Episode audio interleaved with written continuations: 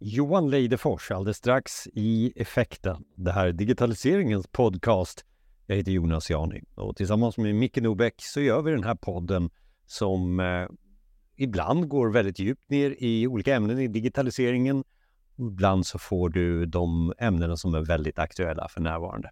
Generativ AI är ett ämne som vi har tagit upp då och då i form av ChatGPT till exempel. Och Johan och jag kommer prata om just det här med eh, möjligheterna med generativ AI. Innan dess så uppmanar jag dig förstås att eh, tipsa oss om vår nästa gäst. Det är info effekten.se som kan vara en bra e-mailadress som du gärna får använda dig utav. Och så glöm inte att eh, sätta betyg på oss. Använd så många stjärnor som du bara orkar. Eh, då blir vi inspirerade att ge dig ännu mer utav effekten. Johan, jag är alltid nyfiken på att eh, hitta då nya idéer och det här ständiga lärandet som vi alltid pratar om i podden. Eh, ständigt nyfiken på, på det som kanske också sätter användaren i centrum. Eh, jobbar ju som experience designer på, på Society och det är CX och EX och för er som vet eh, att det här handlar om att hitta användbarheten i allting nytt. Där sätter vi Johan.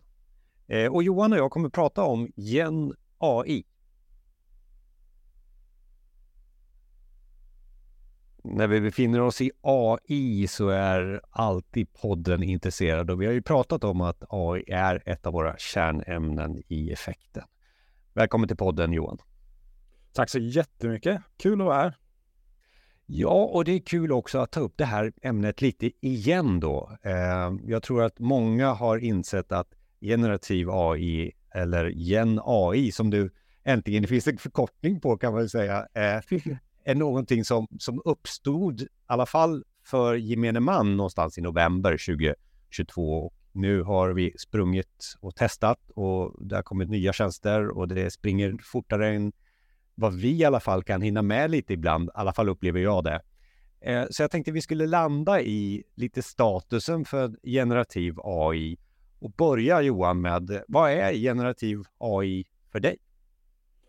Ja, men precis. Eh, ett, ett, minne som jag kommer på ofta när man pratar om det här det är när jag var mm, tio år någonting och, och satt med min 486 hem-PC hemma liksom och fick upp sådana här jobbiga eh, felmeddelanden.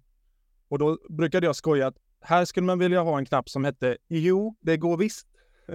Och, och, och liksom kunna argumentera med datorn att nej men nu, nu missförstod du mig. Liksom. Gör så här istället. Och det är väl där jag tycker att vi är nu med den här typen av AI, där jag kan liksom mer ha en konversation med maskinen om man säger och, och eh, iterativt jobba framåt mot en lösning. Liksom. Eh, det jag ser just nu, eh, potentialen och vad jag ser hända här och nu med generativ AI är ju en förändring av arbetsmiljö Eh, och liksom vardagen för hur en arbetsdag skulle kunna se ut. Och hur jag jobbar och, och hur jag kommer framåt i mina processer. Liksom. Eh, och jag tror det där kommer nog eh, bli en ny förväntad eh, förväntade arbetssätt ganska snart. Eh, och samtidigt så upplever jag när jag bara visar eh, ChatGPT till mina äldre föräldrar eller mm. det, det, det, spelar ingen roll, kanske någon annan bransch än den vi är i, så, så är man inte med på det riktigt än ämnet. Eh, och man mm. tycker det är ju fantastiskt när man promptar någonting och får ett fantastiskt svar på vilken agenda jag ska ha till bostadsrättsföreningen som jag visade min mm. far nyligen till exempel.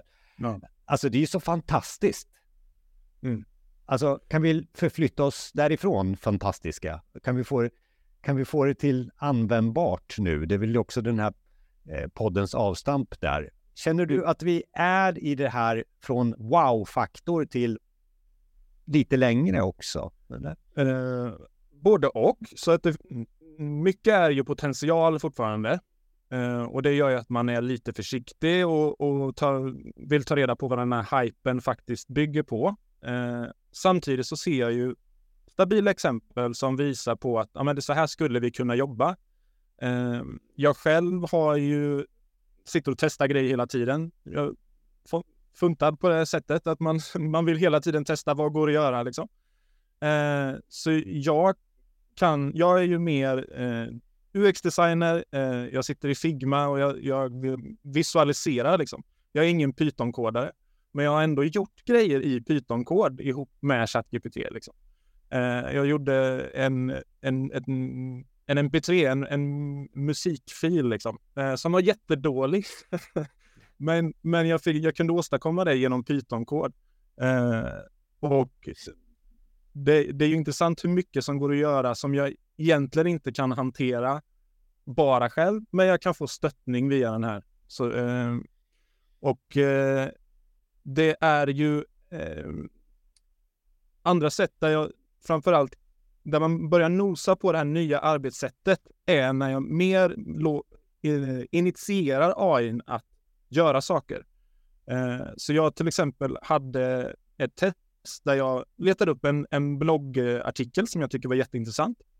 Eh, och så la jag in den länken bara i ChatGPT 4 då, med plugins som kan surfa på nätet och hämta in ny information och sådär. Så sa jag bara till den, eh, ta det här blogginlägget, skriv en ny blogg om det, en ny bloggtext. Skriv även, eh, logga in på min Gmail och skriv ett utkast eh, där du gör reklam för det här nya blogginlägget. Och, och en, liksom en eh, call to action att gå med i det här nyhetsbrevet och så vidare. Och så trycker jag enter och så börjar den tugga och sen så när jag loggar in på min Gmail så ligger ett utkast färdigt där och redo att skickas. Så den här typen av att jag mer be bestämmer att gör det här, äh, åstadkom det här och så börjar den tugga och göra det liksom i bakgrunden. Det arbetssättet tror jag vi kommer se mer av. Ja, och du har ju blivit mogen i att sätta alla de möjligheterna som finns med olika tjänster på nätet till en process.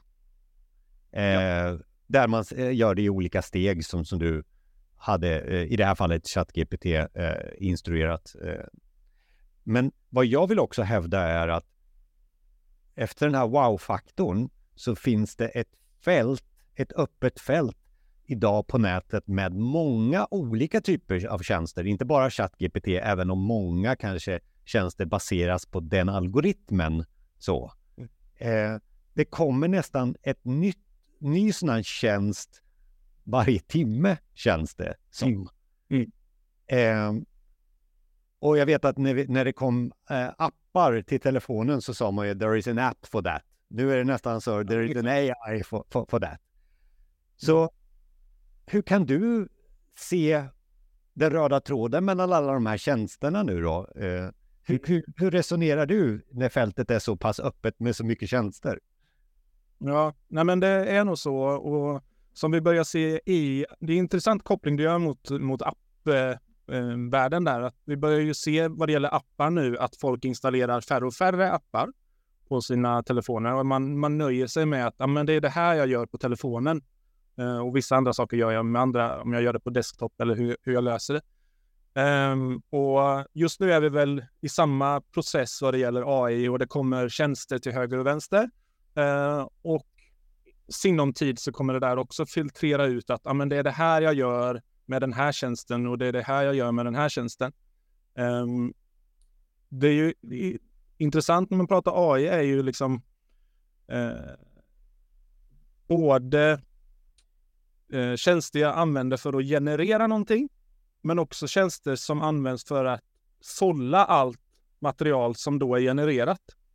Eh, jag brukar kalla det där lite kul för pingpongfenomenet just för att all, eh, all genererad eh, material, media, bilder, Youtube-klipp som kommer genereras nu mer och mer kommer ju öka bruset som, som redan är väldigt högt. Liksom. Och till slut så kommer vi ju vilja använda lika mycket AI för att sålla allt det där så att vi får en, en, ett flöde som är anpassat till oss och som passar oss och som dessutom löser alla problem. För att säga att jag eh, behöver eh, göra en ledighetsansökan på jobbet eh, och det finns en AI som kan förklara för mig hur jag gör en ledighetsansökan. Istället för att gå in och surfa in på ett tråkigt intranät så har vi en AI jag kan fråga. Hur gör jag en ledighetsansökan? Men då kan vi ju inte sluta vid att jag får reda på hur jag fyller i formuläret. Utan jag vill ju bara säga till AI, jag, jag vill göra en ledighetsansökan eh, då och då. Ja, och så får jag svara, nu är det klart. Nu har jag skickat den till rätt personer och, eh, och så går det vidare liksom. Så att, så att inte bara det att systemen behöver byggas, utan jag behöver också ha ett sätt att få tillbaka datan. Mer, mer exempel. Det där låter som... Nej, men, eh, gärna lite mera, om det finns några mer sådana här stories som du har runt just generativ AI. Kanske vad du har sett eller vad som kommer framöver. Det, jag själv kommer ju mycket från liksom att bygga webblösningar, bygga webbsajter och, och skapa användarflöden för det och så vidare. Det börjar ju komma nu eh, tjänster som erbjuder promptbaserad eh, webbyggande eh, om man säger då, så att en webbdesigner inom situationstecken skulle kunna eh, använda en sån tjänst, skriva en prompt och få en färdig webbsajt, eh, menar de som säljer de här tjänsterna då.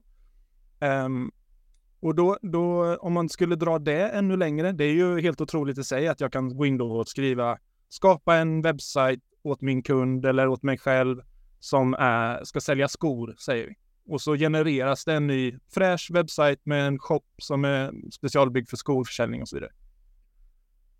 Nästa steg där är ju att webbsidan genereras individuellt för varje person som går in. Så att när jag loggar in så ser den ut på ett visst sätt för att jag är funtad på ett visst sätt.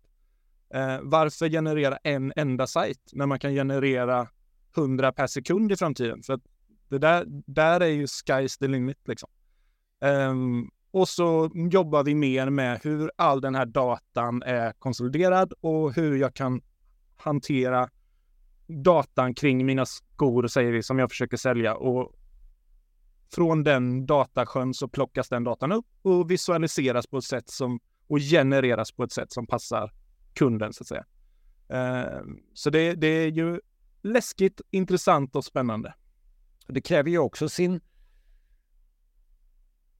eh, innovation och kreativitet för att hitta just mm. det här. Och jag tar ett exempel när jag såg dig och, uh, i ditt flöde på, på LinkedIn till exempel. Du skulle på ett event som inte har hänt än och du skrev uh, och jag visste att det här eventet ligger i framtiden, men du skrev inlägget som att det redan hade hänt och mm. alla bilder var gen genererade bilder av AI då, fick jag ju mm. konvertera hjärnan. Att du är, här är mingelbilderna redan, fast mm. eventet hade inte varit där. Exakt. Ett kul sätt att skapa... det är ett litet exempel, men ändå så här, wow! Mm. Ja, men precis. Så då, som mingelbilder från ett event som inte har hänt än.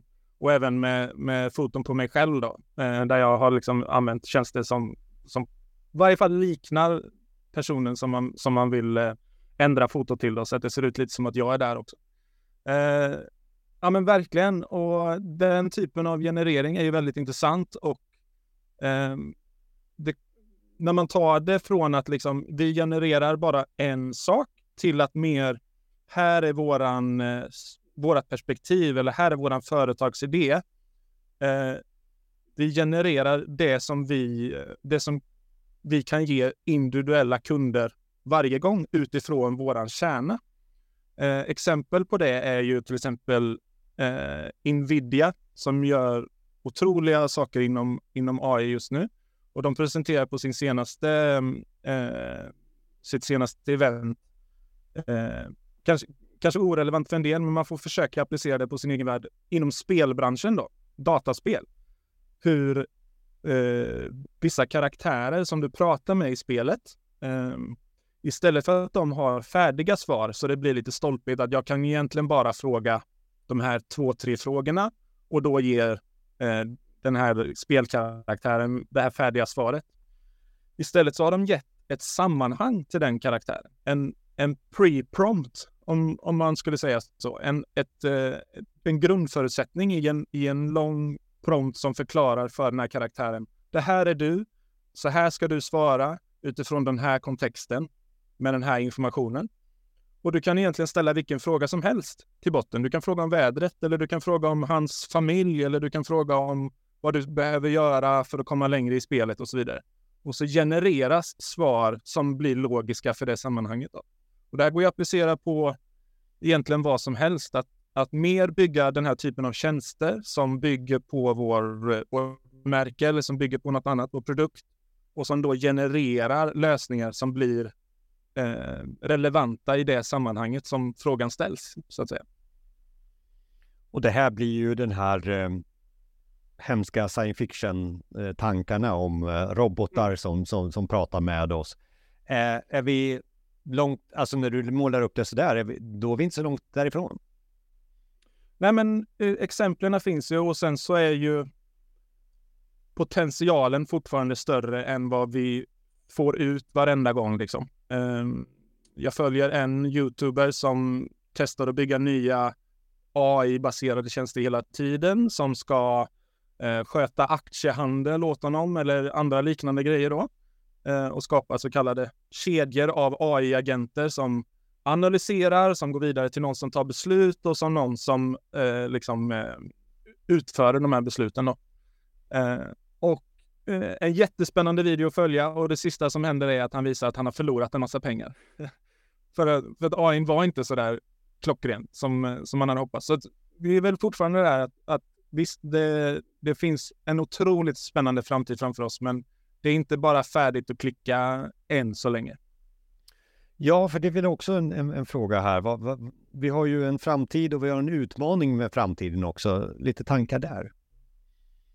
Nej, men risken är nog att man blir lite besviken om man går in och börjar införa AI och tro att det är färdigt och, och, att jag egentligen bara skriver en kort prompt på tre ord och så får jag ut högkvalitativ output från det. Det är ju fortfarande där att man behöver på något sätt veta ganska mycket om ämnet som jag promptar kring. Det var därför jag var inne lite på när jag testade Python-kod. Att ja, jag fick ut någonting, men det var ju ingen hög kvalitet på det. Däremot min kollega som kan Python-kod, han hade ju fått ut mycket mer eh, bara av sin egen kunskap, men han hade fått ut ännu mycket mer om han hade gjort det ihop med AI och kunnat säga att nej, men så där ska vi inte göra, men vi gör så här istället. Eh, så att kunna veta saker om ämnet som vi frågar AI om är fortfarande väldigt viktigt för att få ut hög kvalitet på det.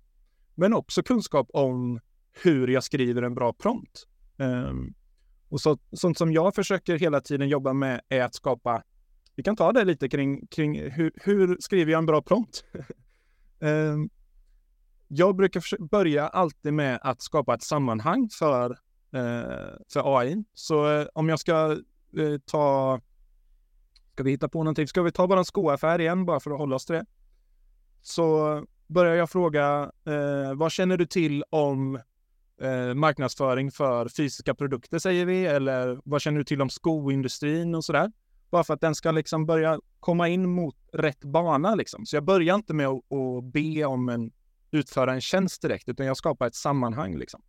Eh, I det så kan jag också skriva att eh, du försöker personifiera AI så att du är en eh, prisbelönt eh, marknadsförare inom skoindustrin, du har jobbat med de här märkena eh, och så fylla på för att skapa någon slags persona kring AI. Det hjälper också för att få upp kvaliteten på svaren. Eh, och det, det kan man kalla för en pre-prompt, en slags förutsättning.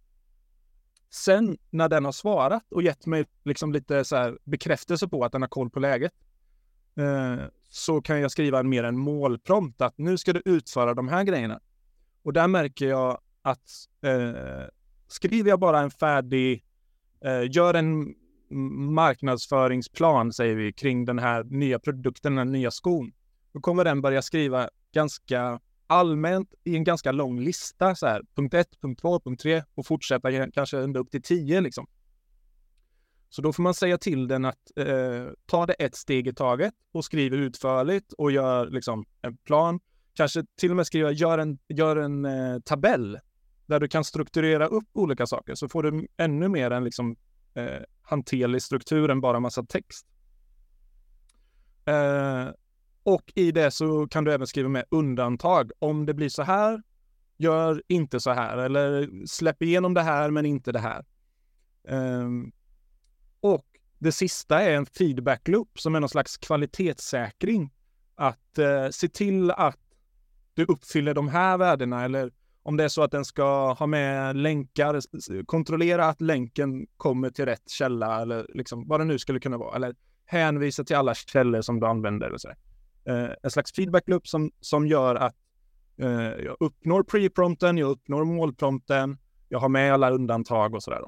Så där, det börjar bli en ganska lång prompt och då börjar man märka att, ja just det, det går ju inte bara att skriva en mening och hoppas på det bästa. Ja, så att, att vara duktig på att skriva promptar, det är ju en insikt här, hör jag eh, verkligen. Mm. Eh, just när det gäller ChatGPT och så finns det ju andra eh, generativa AI, eh, bildhantering etc. också. Eh, förresten, ja, är det någon, är det någon, vad är den häftigaste tjänsten du har hittat nu i generativ AI? Finns det någon sådär favorit? Uh, ja, men precis. Alltså, uh, jag som, som även har en, en historia som liksom grafisk formgivare och mycket det visuella då. Jag följer ju utvecklingen av det som heter Midjourney väldigt nära. Och den är väl, tycker jag, i särklass vad det gäller bildgenerering då. Um, så det, det är ju fortfarande stillbilder, men den är ju otroligt kraftfull i vad den kan åstadkomma. Um, sen eh, är det ju svårt, alltså det första man går till det är ju OpenAI och ChatGPT uh, i mycket för att testa grejer. Uh, men det är intressant också hur det kommer nya saker. Och Google Gemini ska ju vara något i hästväg som, som vi ska få testa på här vad det lider. Eh, som ska vara, ja, ska vara riktigt, riktigt bra, till och med mycket bättre än GPT-4. Och där får vi ju liksom eh, se hur Google har sökt. Eh, de tjänar ju väldigt mycket på reklam i söksammanhang, så att hur ska de tjäna pengar på det här? Det är väl det de sitter och funderar på mest. Eh, så att Facebook hade väl en på gång också med, med någon form av promptverktyg också tror jag. Men, men, men Johan, alltså det är mycket nu eh, och vi står inför en revolution, brukar man ju använda kanske i sådana här situationer, eller en tipping point. Ja.